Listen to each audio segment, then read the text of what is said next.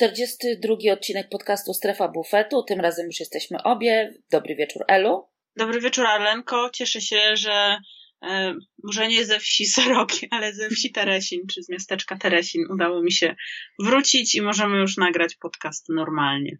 No właśnie, normalnie trzeba podsumować e, Tour de France. Niektórzy twierdzą, że najciekawszy ever, a inni twierdzą, że e, najciekawszy od 80 6 lub 89 roku. Różne są tutaj rozbieżności. Ja bym nie przesadzała. W 2007 też był fajny, w 2009 też był epicki. Ja bym powiedziała, że może najciekawszy w tej dekadzie. Próbowałam troszeczkę oglądać, bo ze względu na swoje obowiązki służbowe nie miałam możliwości oglądania e, na żywo niektórych etapów. Próbowałam sobie też obejrzeć troszeczkę powtórek. No i rzeczywiście było ciekawie. I to nie tylko ze sprawą kolarzy, ale również pogody, organizatorów. Nie no, wydaje mi się, że był ciekawy ten Tour de France. To jakby nie można temu, e, temu wyścigowi zabrać. Nie, no był ciekawy, natomiast y, ja też mam taką, y, taka myśl mi przyszła już po zakończeniu Tour de France, y, że on był tak ciekawy, jak ciekawa jest co roku Vuelta. To mniej więcej ten poziom, ten poziom zaciekawienia, ale dobrze. Jak na standardy Tour de France, faktycznie Było ciekawe. działo się. Tak, działo się. A jakie jest Twoim zdaniem największe zaskoczenie w top 10? W top 10 największe zaskoczenie, no ja bym jednak postawiła chyba najpierw według mnie idą Ala Filip e, z Bernalem, bo mimo wszystko nie oczekiwałam, że Bernal no, będzie pierwszy i ten tur wygra. Znaczy, ja gdzieś tam to w tyle głowy zakładałam, bo wiedziałam, że to jest kolarz, którego stać jakby na wyniki w górach. E, natomiast ja się obawiałam, że z powodu młodego wieku i trochę takiej kraszowej przeszłości, powiedziałabym, że on po prostu nie wytrzyma tych trzech tygodni. E, z różnych przyczyn, że gdzieś tam będzie miał jakąś kraksę, e, że coś w głowie nie zagra, bo jest młody. Ale tak jak mówiliśmy, mówiłyśmy kiedyś, że czasami ci młodzi zawodnicy dojeżdżą właśnie z taką mniejszą presją. Moim zdaniem Bernal miał na sobie mniejszą presję niż Geraint Thomas. Kurczę, bo tak też z twarzy Egana Bernala to ciężko wyczytać jakiekolwiek emocje, moim zdaniem. W zasadzie w ogóle, jak patrzę na tych Kolumbijczyków, to ciężko wyczytać ich wiek z twarzy i emocje z twarzy. No, dopiero wtedy, jak Bernal się popłakał, kiedy założył tę koszulkę lidera, to widać było te emocje. Natomiast czy mniejsza presja? No, być może tak. Ale nie wiem, jakoś tak kurczę, ciężko mi jest w ogóle no jakoś ten Tour de France też sprawił to, w jaki sposób on się potoczył i to, w jaki sposób się ułożyła ta klasyfikacja generalna, że ja czasami, że tak momentami mam ochotę powiedzieć, wiem, że nic nie wiem, tak? Że ciężko mi jest po prostu się ustosunkować w jakikolwiek sposób. E, jeszcze biorąc pod uwagę to, że teraz zdążyłam trochę tego kolarstwa poznać od środka, troszkę bardziej, troszkę więcej. I, i to wpływa w, tak na, na odbiór i na to, że, że moje opinie może nie są tak, e, tak mocne jak kiedyś. To nie jest chyba jakaś tajemnica i tutaj nie zdradzę nic wielkiego, natomiast e, kiedy spotkałam się w pierwszym dniu rozpoczęcia Tour de France e, z Michałem Gołasiem w studiu Eurosportu, to on mi powiedział tam w jakiejś przerwie, że jego zdaniem wygra Egan Bernal. Uwaga, poprawnie należałoby powiedzieć Egan Bernal, ale okej. Okay. Z akcentem. Tak. tak. Tak, ale dobra, mówmy Egan Bernal. Co powiem, tak, tak, jego pewność w głosie była dla mnie, dla mnie wówczas pewnym, pewnym zaskoczeniem, aczkolwiek no, powiedzmy sobie jasno, no gdzieś jednak o tym Bernalu się mówiło. To nie jest tak, że wyskoczył jak król z kapelusza, tylko to jest kolarz, który wygrał kilka prestiżowych wyścigów już w tej chwili, a w tym sezonie dwa bardzo ważne.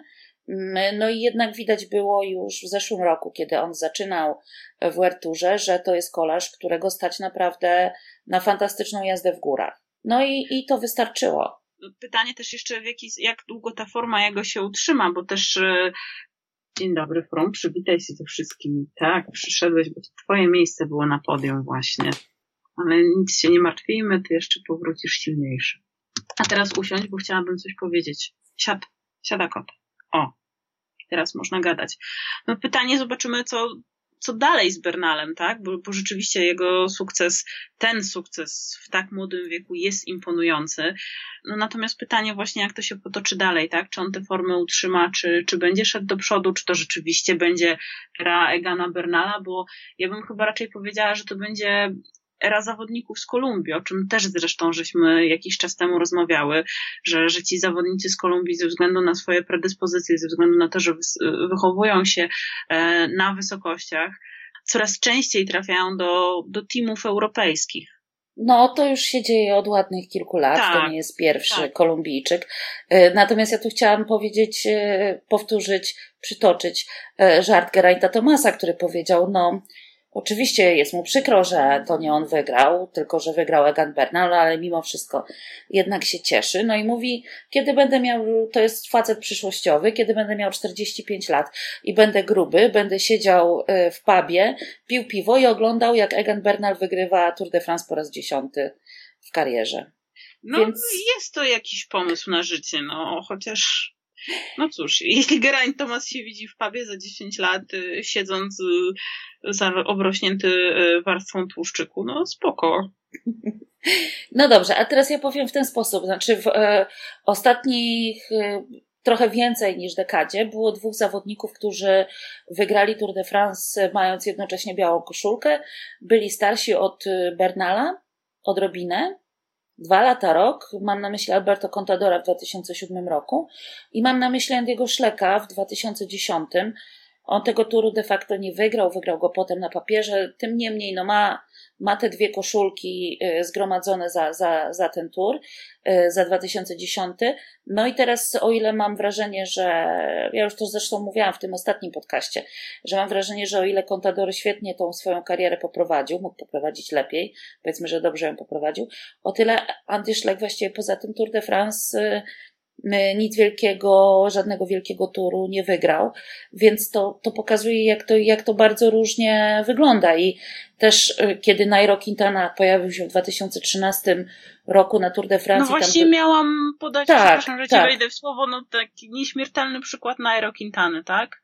Natomiast myślę, że w, Ska w, w Ineos są że, że to jednak się potoczy inaczej, że to też dużo zależy od ekipy i mi się wydaje, że w Ineos zrobią tak, żeby jeszcze coś z tego, żeby coś jeszcze z tego Bernala wycisnąć. To też zależy chyba od kondycji mm, takiej psychicznej zawodnika, a mnie się wydaje, że akurat y, Egan Bernal jest takim przykładem mm, silnego psychicznie kolarza, mimo młodego wieku. Też nie zapominajmy, że on jednak, no, nie chcę tutaj w żaden sposób y, dokuczać Nairo Quintanie, ale Nairo Quintana jest kolarzem, który pochodzi z małej, biednej wioski, e, gdzieś tam w jakiejś biednej, e, biednej prowincji Kolumbii. E, natomiast Bernal jest chłopakiem, owszem, nie z jakiejś majętnej rodziny, ale jednak mam wrażenie, że z rodziny nieco, nie wiem jak to powiedzieć, żeby źle nie zabrzmiało. Natomiast no inaczej. E, Egan Bernal dostał stypendium, studiował i chciał zostać dziennikarzem. Więc to jakby świadczy o tym, że ta jego kariera też mogła się potoczyć zupełnie inaczej, bo gdyby poszedł na te studia, to za kilka lat by przyjechał z, i, biegał pomiędzy kolarzami z akredytacją być może. A ktoś go tam namówił do jazdy na rowerze i tyle. Nie masz nic do dodania. Nie, no nie mam nic do dodania na temat Egana Bernala. Dla mnie mimo wszystko jest to zdziwienie, że ten chłopak ten tur wygrał. E, być może wpływ na to miał również, miał również fakt, że ja tego Tour de France no nie oglądałam, nie oglądałam tak uważnie, jak, jakbym chciała i jakbym mogła po prostu. No i jak pewnie oglądali to ci prawdziwi kibice kolarstwa. O, już tak, nie przesadzaj. E, prawdziwi kibice kolarstwa. Któż to? Wszyscy jesteśmy no, prawdziwymi kibicami kolarstwa. Tak troszkę, tak troszkę, wiesz, powiedziałam to z, z delikatną nutką ironii. Podsumowując jeszcze y, Bernala, to jednak on sobie to zwycięstwo w tym Tour de France wydarł, dlatego że on przed tym etapem do Valoir miał stratę do y, Ala Filipa mm, dwóch minut. On już tam atakował. Potem jakby nie brał jeńców, tylko też y, na tym etapie dziewiętnastym ruszył i bardzo szybko, bardzo szybko y, nadrobił nad y, Ala Filipem. No a potem było to, co było. W związku z tym, jak tak patrzę na tę klasyfikację generalną, na tych zawodników, którzy są tam za nim w tej klasyfikacji, to należało mu się jak psu Micha, po prostu. Nie było tam lepszego kolarza od niego tak globalnie rzecz ujmując e, w przestrzeni całego wyścigu. No i tutaj dochodzimy do największej dramy tegorocznego Tour de France, czyli do Thibaut Pinot. Tak, bo to kto było straszne. Wie, tak. Właśnie, co by było gdyby? Co by było gdyby oczywiście, bo Pinot przynajmniej w Pirenejach prezentował się jako jedyny zawodnik, który mógłby pójść z Eganem Bernalem w Tany. Straszna Natomiast... szkoda, no pech po prostu niesamowity. Było mi go bardzo żal, kiedy wycofywał się z tego Giro d'Italia z tym zapaleniem oskrzeli, czy tam zapaleniem płuc.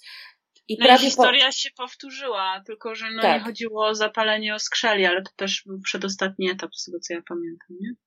Przedostatni górski, tak, bo to było na dziewiętnastym etapie. Tak, a tak, tak, tak. Tym razem na dziewiętnastym etapie. No, płakałam prawie, że z nim. Nie wiem, on powinien pójść do jakiejś białostockiej szeptuchy albo gdziekolwiek, coś na zrobić. Na plasie niech jedzie chłop, no po prostu. coś zrobić, dlatego że no, no straszna szkoda. Znaczy, w takiej dobrej formie ja Pino jeszcze nie widziałam.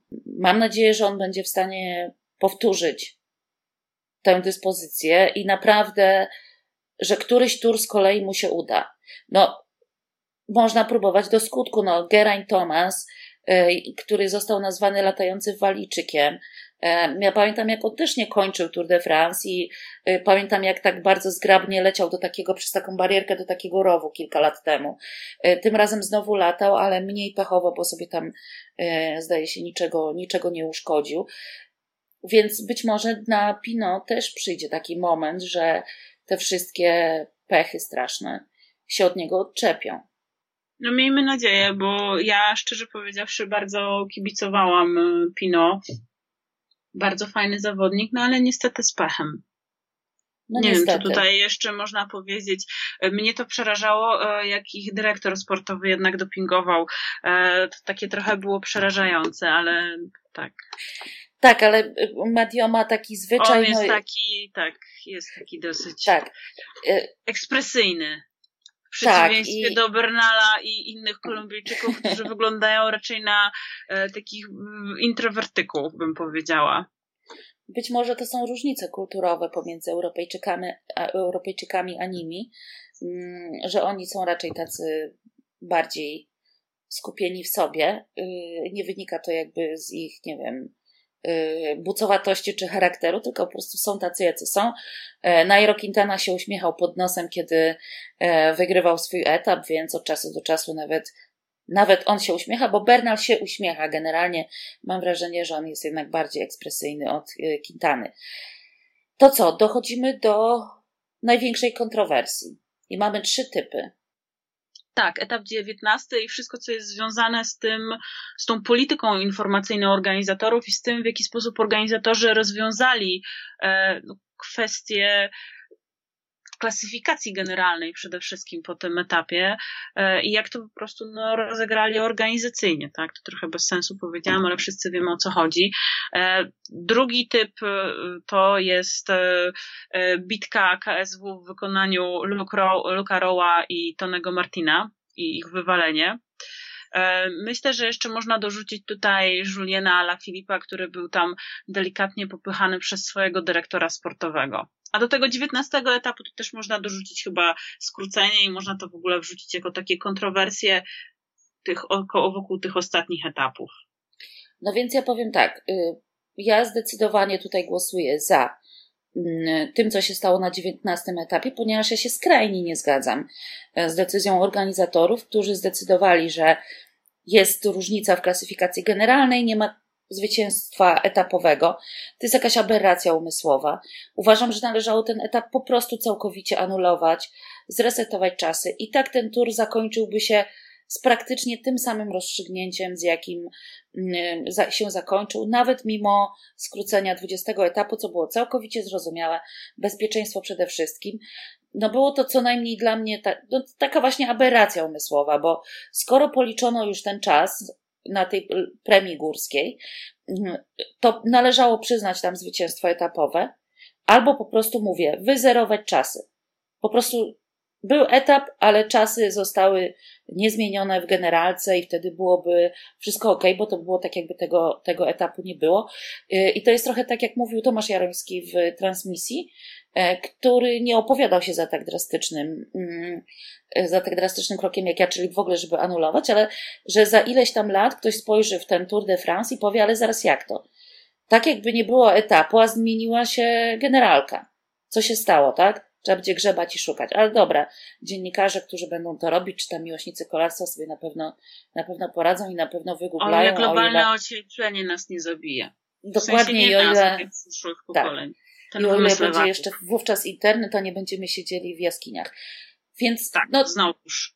Co by nam się należało generalnie. To, to, to jako ludzkości, tak. Absolutnie tak. Powinniśmy umierać w cierpieniu. E, natomiast ja myślę, że w tej sytuacji jakby tutaj bym wzięła trochę w obronę organizatorów, bo mi się wydaje, że w tej sytuacji nie było dobrego rozwiązania, że w tej sytuacji każde rozwiązanie było w pewien sposób może nie tyle złe, ale było w pewien sposób niekorzystne. Jakby wydaje mi się, no, no nie wiem, czy organizatorzy kierowali się dewizą, e, wybieramy takie rozwiązanie, które będzie miało najmniej e, minusów, czy, czy, kierowali się de, czy kierowali się tą decyzją, bo po prostu no, no nie mieli czasu do namysłu, tak? Coś musieli po prostu zrobić. No, zrobili tak, tak ale, nie inaczej. Tak, ale dla mnie właśnie to wcale nie jest rozwiązanie, które ma najmniej minusów, bo najmniej minusów według mnie mają dwa rozwiązania. Jedno to takie, że przyznajemy zwycięstwo etapowe Bernalowi i wtedy wszystko jest jasne. Bernal wygrał etap, bo był pierwszy tam na e, szczycie. E, drugie rozwiązanie, zerujemy czasy i tego etapu po prostu nie było, był anulowany, odwołany, 0, 0, ja nie ma niczego. Miała, jak już bym miała coś robić, to bym chyba przyznała to zwycięstwo etapowe Bernalowi. Jakoś tak e, będąc na miejscu dyrektorów sportowych i będąc na miejscu kolarzy, to zdziepko bym się zdenerwowała, gdyby mi taki etap anulowali. Ja byłam jednak za, za anulowaniem. To tutaj mamy małą różnicę zdań. Natomiast ja jeszcze powiem w kwestii Ala Filipa i tego, co mówiłaś, że tam go tam popnął ten jeden dyrektor. On wtedy nie dostał, y, dostał tylko karę finansową. Y, natomiast przyjrzałam sobie takie zestawienie. Y, zgadnij, który zespół dostał najwięcej kar pieniężnych ze wszystkich ekip. To może mi coś podpowiesz? No oczywiście Dekenik. Dekenik. Najwięcej 4300 franków. Myślałam, jest... że mi dasz do wyboru. A, przepraszam. E, Uda, i tak miałam stawiać na Dekenik, teraz nikt nie uwierzy. Ja ci wierzę, w tym oni mają tysia, y, tysiąc franków. Za nie przyjście na konferencję. Tak, ale na Filipa, bogato się bawią. Na bogato się bawili i y, również dyrektor sportowy dostał y, też karę finansową za to nieprzyjście. Y, I między innymi jest to słynne popychanie Ala Filipa. Natomiast dobra, to dam ci zgadnąć dwa, dwie następne ekipy. No to już nie będzie takiej zabawy. No ale daj. No zgaduj. Myślałam, że też coś podpowiesz, nie wiem, jakieś cztery opcje do wyboru. No dobrze, no dobrze, Myślę, to może że tak, że... Star może. Dobra, to w pierwszej czwórce są e, dwa zespoły poza Dekenikiem, które są bardzo wysoko w klasyfikacji generalnej. Ale nie jako zespoły tam, że Movistar wygrał, nie, nie, nie. Mają zawodników wysoko w klasyfikacji generalnej. No to ja bym mimo wszystko stawiała na Movistar. Nie, na... Movistar wcale tak nie szalał. Nie szalał Movistar? Nie, nie. Bora? Nie. Jumbo Visma? Na czwartym miejscu, tak, 2300 franków Neos? szwajcarskich. Tak, i Neos 2500. I tu ci już podpowiem, Astana na drugim miejscu równo z Neos 2500. Natomiast co ciekawe, były trzy zespoły bez żadnych kar finansowych przez cały wyścig. Education First? Nie. Zespoły, które też przejechały dosyć bezbarwnie ten Tour de France, powiem w ten sposób. Albo pechowo. Emiraty? Nie, Emiraty zaliczyły tam te swoje y, 1100 franeczków. A, to Bardety może. Nie, to może ja tak powiem y, Dimension Data, Total A, Direct no tak. Energy i Sunweb. To totalnie bezbarwnie przejechały. No to ty tak. miałaś rację. Tak z ciekawości zapytam, na którym miejscu CCC? CCC, y, już sprawdzam. Na 16 miejscu tylko 400 franków. Bardzo oszczędnie. Bardzo oszczędnie. Tutaj, jeśli chodzi o kary, to na ostatnim miejscu z tych, które zapłaciły e, ekipy kary, to 200 franków Katiusza Alpesin. Mm, natomiast e, największa kara e, to jest 2000 franków szwajcarskich. Przyznano za mm, podawanie jedzenia w nieodpowiednim miejscu. I tutaj to napisano w ten sposób, że napaść pomiędzy kolarzami, no czyli. A, za, za KSW po prostu. Tak. Martin Lewandowski tak. lubi to. Tak, za KSW. Za KSW. Tak. Tak. Prum przyszedł akurat jak rozmawiamy o KSW, bo tutaj z Bońkiem też tak, natomiast ja powiem tak, że bardzo mi było szkoda Toniego Martina i Luka Roa, zwłaszcza, że potem się natychmiast pogodzili, wydali wspólne oświadczenie. Nie było tam No bo to wiadomo, że po prostu no, musieli sobie dać, kolokwialnie mówiąc, właśnie. I potem wszystko było ok, ale ja nie wiedziałam, że Tony Martin to taki krewki, on nie wygląda na takiego. No właśnie, podobno bywa dosyć nerwowy. Yy... Natomiast no, to nie było tak, jak się Brambila pobił z, no. Ro, z Rownym. A kiedyś też była taka sytuacja, że Rui Costa z Baredo już na mecie, to się okładali kołami w ogóle. Bo Rui Costa trzymał koło i uderzał tym kołem w głowę Baredo, a Baredo mu tam oddawał swoim kołem. No też się działy różne, różne historie. Z tego co pamiętam, w ogóle wtedy nie było kary, bo to było jakby poza transmisją. To był tylko jakiś filmik nagrany przez kogoś tam, trafił na YouTube i, i żaden z nich wtedy nie poniósł kary. Natomiast jest oczywiście Rohan Gate, o którym ty chciałaś pogadać. Tak, tak. Nie no, Rohan Gate to jest w ogóle taki gate, że, że o mamuniu dosłownie. W sensie ja jestem naprawdę pod bardzo dużym wrażeniem i obawiam się, że tak naprawdę nie dowiemy się tego, o co poszło. Ale no jest to w ogóle dla mnie, jeszcze jako osoby, która zajmuje się wizerunkiem teraz jednej z ekip kolarskich, jest to po prostu niesamowite, że, że doszło do takiej sytuacji, że chłop, który miał bardzo dużą szansę na wygranie etapu, dzień przed etapem po prostu schodzi z roweru i mówi, no to na raziomki. Więc no i tam naprawdę musiało pójść, no nie wiem, no, no, na noże co najmniej, tak?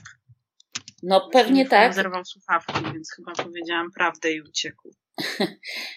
Secret Pro napisał, że Rohan Dennis jest znany z tego, że jest dosyć krewki, porywczy, że podejmuje nagłe decyzje, więc ja nie wiem, dlaczego to się stało akurat podczas etapu. Czy ten Rohan Denis poszedł w ten odjazd i tam sobie jechał i myślał, kurczę, obiecali mi nowy strój, kurczę, miało być to i tamto, a to oni mają mnie w dupie.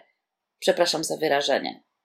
No nie, nie, to w no, sumie piernicze schodzę nara. Nie, no to mi się wydaje, że po prostu już też na pewnym poziomie, tak, są też no, pewne rzeczy ustalane w kontraktach, tak też widziały gały, co brały, tak? Domyślam się, że chłop po prostu no, wiedział, co podpisywał.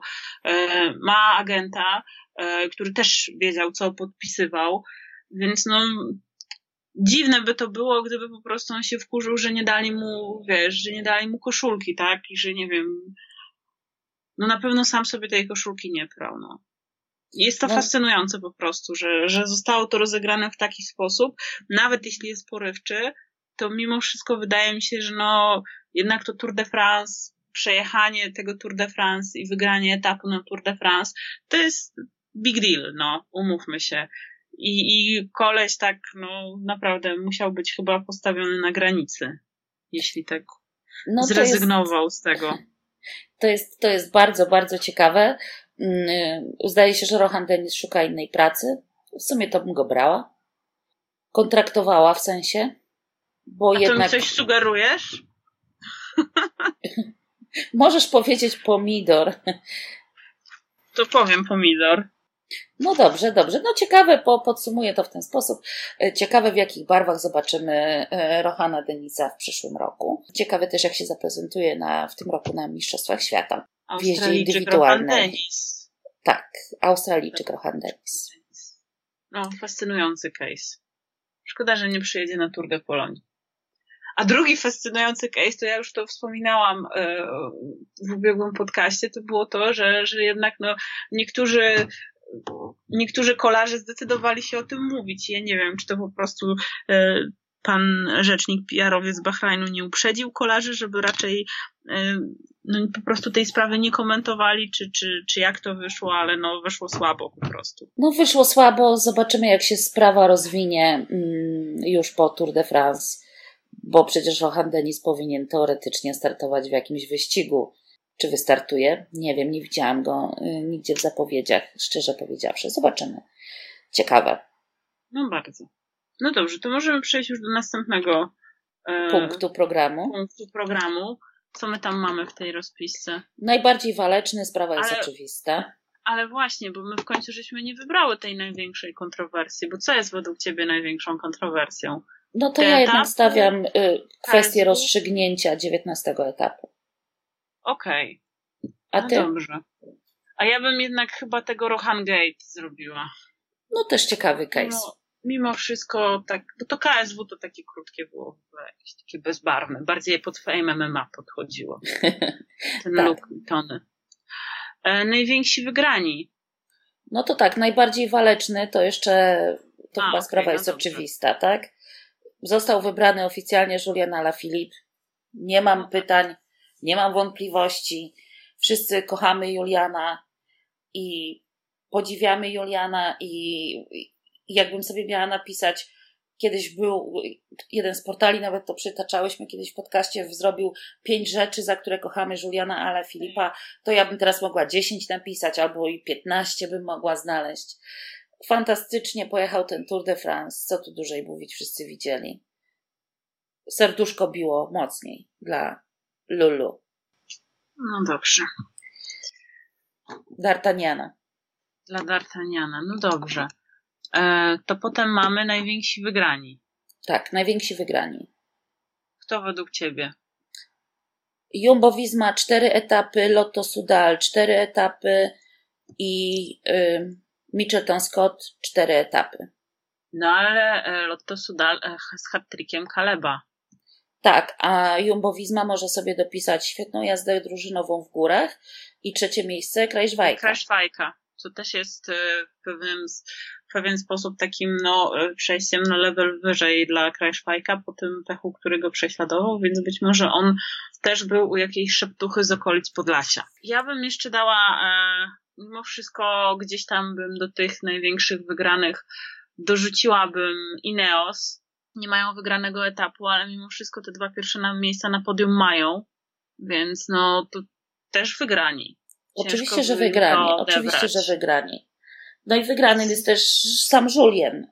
No oczywiście, a jeszcze do, do odnośnie Ineos, no to zrobili to w takim stylu, w jakim e, przez, do, do, jakiego przez ostatnie lata nas nie przyzwyczaili. W sensie e, no nie, nie, nie zabetonowali Tour de France. No ja bym chciała, e, ciśnie mi się na usta sformułowanie, że postawili autobus, ale oni to raczej mogli pociąg postawić.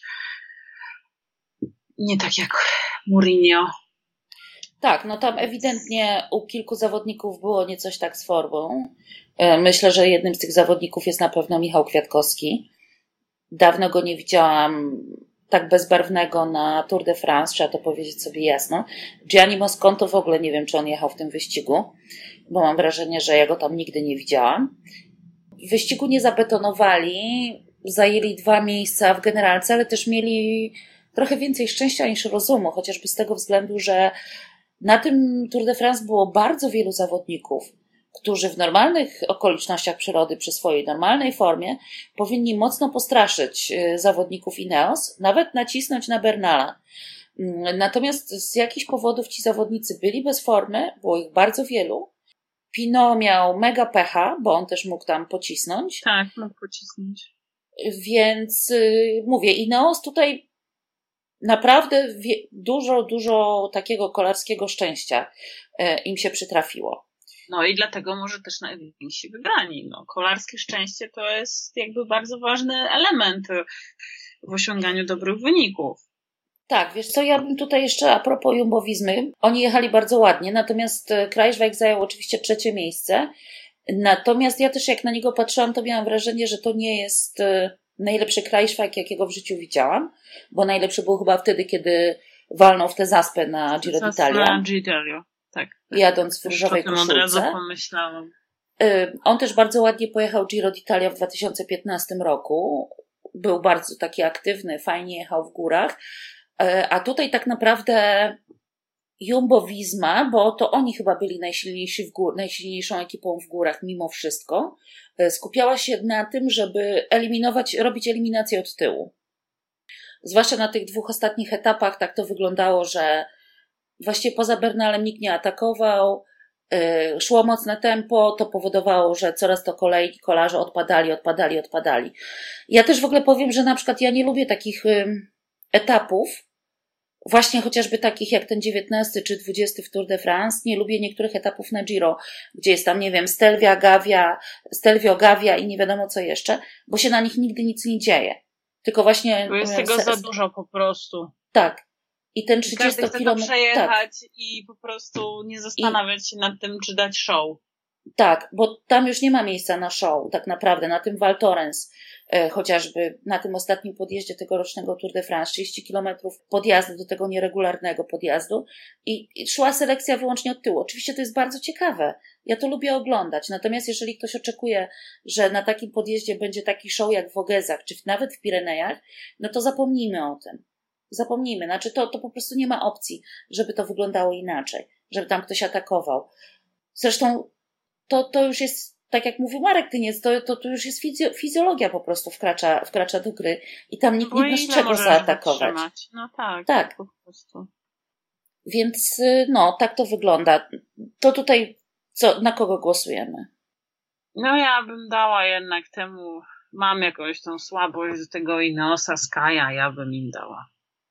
Oni faktycznie jechali drużynowo, przyznaję, ja bym tutaj jednak y, chyba zagłosowała na Jumbo Visma. Mm, Jakoś tak względu... tak miałam przeczucie, więc i zachowana równowaga w przyrodzie jest. Ja bardzo lubię Jumbo Visma, bo jak to napisał jeden z dziennikarzy anglojęzycznych, nie pamiętam już w tej chwili kto, Jumbo Visma to jest tak fajna drużyna, że nawet ich komunikaty prasowe są ciekawe. Głosuję na Jumbo Visma. Michał Szyszkowski lubi to. Na pewno tak.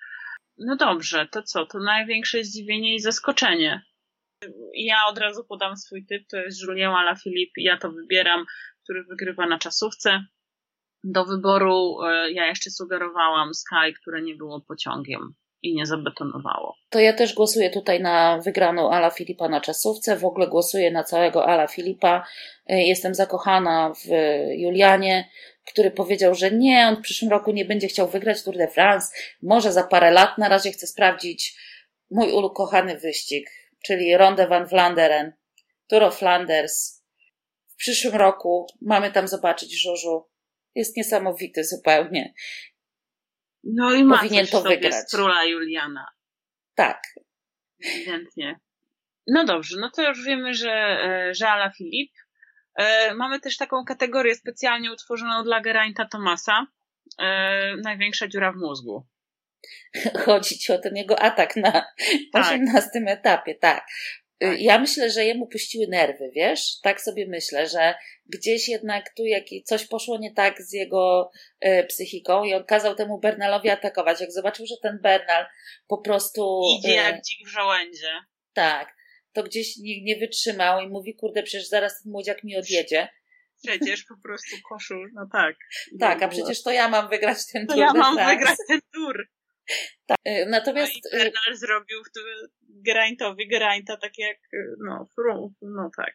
Tak, w tej kategorii największa dziura w mózgu, ja bym tutaj przyznała też, to była kategoria indywidualna, teraz kategoria zespołowa i tutaj oczywiście zespół Movistar, e, który jak zwykle celował w nie wiadomo co, a właściwie to chyba w to, żeby... Nie celował nic. Tak, znaczy nie no, trzech zawodników w dychu, naprawdę coś niesamowitego. Plus do tego mogli wyjść na polach elizejskich całą drużyną, A, bo wygrali no tak. klasyfikację No nie, no dobrze, to coś, coś wygrali, no dobrze. Tak, ale to jest, y, ja mam wrażenie, że to jest jakaś obsesja Eusebio Unzue. Ja nie wiem, co siedzi w głowie Eusebio Unzue. On ma jakieś swoje przyzwyczajenia, e, których się trzyma. I powiem tak, dla mnie najlepszym kolarzem Movistaru na tym Tour de France był Alejandro Valverde. Dlaczego Alejandro Valverde musiał na pięknych pannach pracować na Nairo Quintana, tego nie wiem. Dlaczego Marc Soler musiał gonić Nairo Quintana wtedy, kiedy on e, wygrywał w Valoir, nie wiem. I jeśli chodzi o Movistar, to ja bardzo wielu rzeczy nie wiem. Nawet nie wiem, czy chciałabym Takie się ich po dowiedzieć. hiszpańsku. Takie po hiszpańsku. Taki troszkę, wiesz, hiszpański luz. Wiesz Żeby co, nie ja, powiedzieć ja nie troszkę, bar- troszkę bardziej drastycznie. Ja nie wiem, czy to jest hiszpański luz, wprost przeciwnie, mam wrażenie, że tam wszyscy są nadmiernie spięci, jak na Hiszpanów. No i to już od kilku lat trwa. Chociaż, dobra, przyznaję, Giro pojechali świetnie. No to teraz się odwróciło. I też na Giro mieli dwóch liderów, bo był przecież Mikel Landa i Landa. był e, Richard Carapaz. A, przepraszam. I, I wszystko poszło tam znakomicie. E, Natomiast Carapaz zdaje się odchodzi do Ineos. Quintana odchodzi do Arkei Samsung. Mikel Landa powiedział, że nie otrzymał oferty, e, na razie nie otrzymał oferty z Movistaru. Wszystko wskazuje na to, że przechodzi do Bahrainu, więc to O za to Boże. do, do Movistaru za to przechodzi Enric Mas, bo to potwierdził e, kontador w e, którejś z, z, z transmisji telewizyjnych, gdzie komentował. Wiadomo, że on ma, jest blisko Masa, bo to jest jego wychowanek, więc pewnie ma informacje z pierwszej ręki. I się wypucował przed 1 sierpnia. Tak, no jemu to co? No nie, no nie wiem, no może to po prostu zrobi lepiej e, właśnie temu zespołowi. Czasami Dom- zmiany personalne są istotne, tak jak w Ekstraklasie zawsze był ten temat, że jak się nie, nie można było, że jak się nie wygrywało, to się wywalało trenera. A e, pan Osuch e, powiedział kiedyś, że on zamiast trenera, bo zamiast tak, zamiast trenera wymieni zawodników, rzeczywiście wymienił zawodników z Zawiszy i było dobrze, więc tutaj mi się wydaje, że może to jest też e, dobra polityka w jakiś sposób. No trzeba spróbować. Movistar to jest taka ekipa ze strasznie, strasznie długą tradycją, bo to przecież Banes, to tak, jeszcze wcześniej i tak dalej. Oni, jak ich tam zliczyć, te ich zwycięstwa, zwycięstwa w klasyfikacji drużynowej, ilość wygranych wielkich turów ym, i tak dalej, to oni mają tego naprawdę multum, multum, multum. I nawet w ostatnich latach wygrywali te wielkie tury. Jeżeli ktokolwiek wygrywał w ostatnich latach e, wielkie tury, to właśnie między innymi Movistar. Tam w tym zespole mam wrażenie, że dobrze czuje się tylko Alejandro Valverde. Ale mam wrażenie też oczywiście nie, nie wiadomo tego, bo nikt z nas tego nie sprawdził, że Alejandro Valverde czułby się dobrze w każdej drużynie, bo ma na wszystko wywalone, ale może nie. Może po prostu to jest drużyna dla Valverde, on się tam czuje świetnie, jest zawsze w formie i naprawdę powiem, zawsze Valverde uchodził za kolarza, który nie potrafi jeździć powyżej 2000 metrów, nie lubi tego, natomiast to Valverde był jedynym kolarzem, który tam próbował odebrać Vincenzo Nibaliemu zwycięstwo. Zresztą bardzo piękne zwycięstwo Nibaliego, bardzo się ucieszyłam. Nibali zrobił mi dzień, bo jak wiadomo, ja jestem e, Team Shark, lubię Nipsa. Też jechał niesamowicie, dlatego że tam nie było odpuszczenia. E, Tam nie było takiego momentu, że oni by tam zwolnili i się na siebie oglądali. No i, i Alejandro przyjechał na metę jako drugi już z grupki, mm, w której się utrzymał. To naprawdę szacun, bo w tej grupce się prawie nikt już nie utrzymał. Idziemy dalej. Oczywiście. Ulubiona Największy- kategoria. Największy zawód i największe rozczarowanie. No i tutaj jest bardzo dużo y, chyba tych kolarzy, którzy jakby. Ja na pięknego Romana stawiam. No Na tak, emo Romana. tak, no na Garçon. No tak, bo no. No Bo on jest taką, niespo, nie, taką jak się mówi o nim, że to jest taka e, ta nadzieja Francuzów, która no nigdy tak, że tak powiem, jak to powiedzieć ładnie, bo się zgubiłam. Że ja od razu po prostu, jak ktoś mówi, że to jest taki kolarz z niewykorzystanym potencjałem, talentem, którego jeszcze nie pokazał i, i e, właśnie nie zdołał swoich wszystkich możliwości e, pokazać światu, to ja tak myślę od razu o Fabio Aru. Nie wiem czemu. no tak, ale jednak y, Bardet No był na podium Tour de France, był drugi w 16 roku, był trzeci w 17. Po prostu mu ten Tour de France kompletnie nie wyszedł. On go uratował klasyfikacją, o którą te, też przedziwna historia. Właściwie No tak. poza Timem Wellensem Po nikt nie próbował wa- walczyć o te grochy. Wziął je ostatecznie Romain Bardet, który po prostu był cieniem samego siebie. Nie wiem, co się stało, co poszło nie tak. E, ostatecznie wylądował nawet e, za Fabio Aru, który teoretycznie po tej swojej operacji miał już wrócić do swoich najlepszych dni i ciągle Nie się wrócił. tam nie wrócił. No Richie Port, graty, przejechał, minął dziewiąty etap, dojechał do końca, ukończył wyścig. Naprawdę szacun dla pana e, Richiego Porta. I teraz No tak, no oczywiście jeszcze bardzo rozczarowujący jest e, Yates. Wyścig dla braci Yates uratował Simon, który wygrał dwa etapy. Natomiast Adam to w ogóle nie wiem, gdzie się schował w tej klasyfikacji generalnej. E, I też e, prawie, że go nie było widać. To jest pierwsza trzydziestka. No, absolutny kolaps. Em, rozczarował mnie Enric Mas, bo ja tak gdzieś stawiałam, że on się może gdzieś kręcić koło podium. Też w zasadzie y, mówiłyśmy o tym, że ten mas tak sobie, tak cichutko, niespodziewanie w ogóle. No tak, po tej znakomitej, znakomitej Vuelcie w ubiegłym roku, kiedy wylądował No na tak. podium. No tutaj on się cały czas całkiem nieźle trzymał, e, natomiast e, no choroba go zmogła, miał jakieś kłopoty żołądkowe, to się czasem zdarza. Bardzo żal mi George'a Beneta.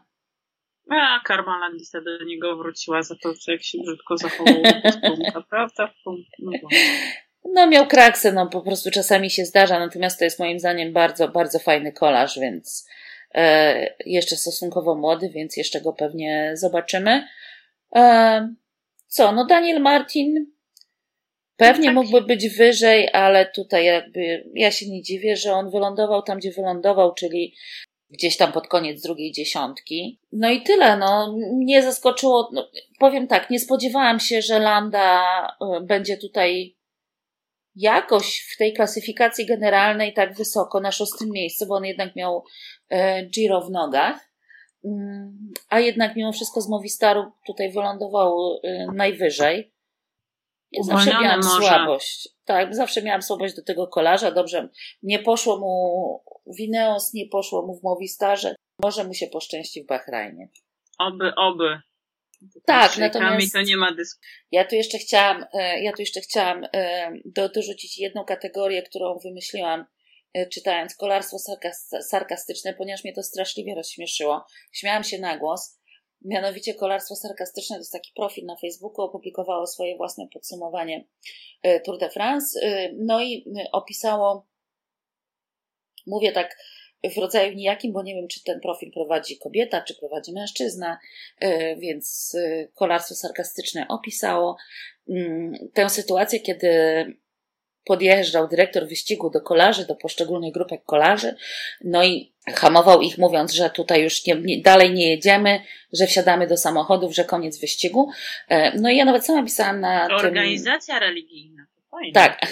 Ja, ja pisałam na Twitterku, że Uran dobrze pamięta tę słynną neutralizację, kiedy Quintana podobno nie zobaczył tych czerwonych flag, przez co Uran przegrał y, Giro d'Italia, a wygrał je właśnie Nairo Quintana w dosyć kontrowersyjnych okolicznościach przyrody. Tam również wtedy Majka stracił, bo posłuchał, mm, zobaczył chorągiewki i, i, i, i nie atakował razem z Quintaną.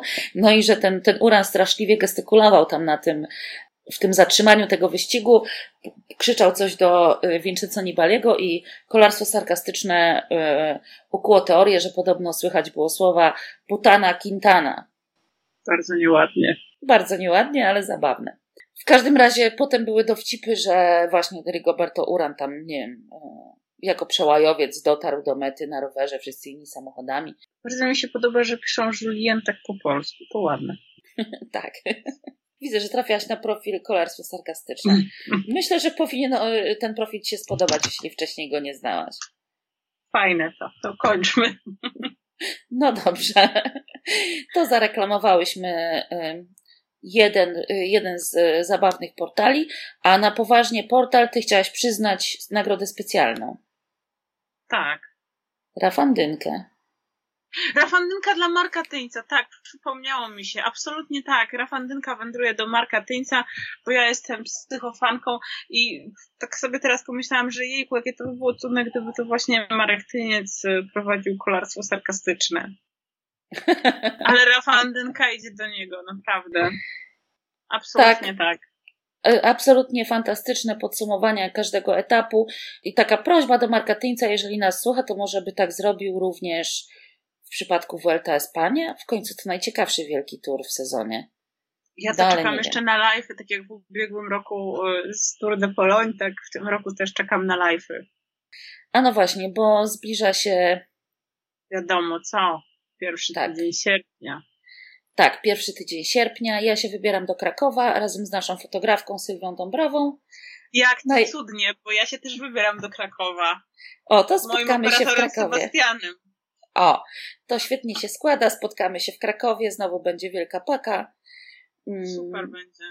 Tak, będzie wesoło, myślę. Zostajemy oczywiście do soboty. Jak Sławek Peszko powiedział, będzie się działo. tak, będzie się działo. Szkoda, że nie do Zakopanego. No niestety, niestety. Taki live. Natomiast jeśli chodzi o Tour de Pologne, to chciałam powiedzieć, że pewnie zrobimy tutaj e, jakieś e, podsumowanie na temat, na temat Tour de Pologne osobno. Zobaczymy, pomyślimy. Na razie tak. jeszcze nie jest do końca znana lista startowa. Myślę, że jeszcze będzie ulegać zmianie, bo to dopiero w tym tygodniu poszczególne teamy będą to uzupełniać tych kolarzy którzy mają przyjechać. Ja miałam okazję y, w piątek rozmawiać z Czesławem Langiem, robiłam z nim taki krótki wywiad i powiedział mi, że jego zdaniem to tym takim etapem, który już pokaże i na którym zrobią się takie pierwsze różnice, to będzie ten etap y, z przełęczą kocierską. Tak, właśnie ten kocierz jest chyba jednym z najbardziej wyczekiwanych odcinków. No, oczywiście jest pytanie, w jakiej formie przyjedzie Rafał Majka na ten wyścig nie widzieliśmy go tak naprawdę od Giro d'Italia. Ma przyjechać e, Superman Lopez, ma przyjechać Hirt, Gaviria, Pozzovivo, Atapuma, ma przyjechać Jungels. I winner Anacona. Tak, Jego nie jest to, jest znaczące. Tak, nie jest to chyba taka y, obstawa jak w zeszłym roku, kiedy na podium był Michał Kwiatkowski, Thibaut Pinot i Simon Yates. Tym niemniej, no moim zdaniem, tak czy owak, niezależnie od wszystkiego, będzie ciekawy. Zrobimy ten wyścig.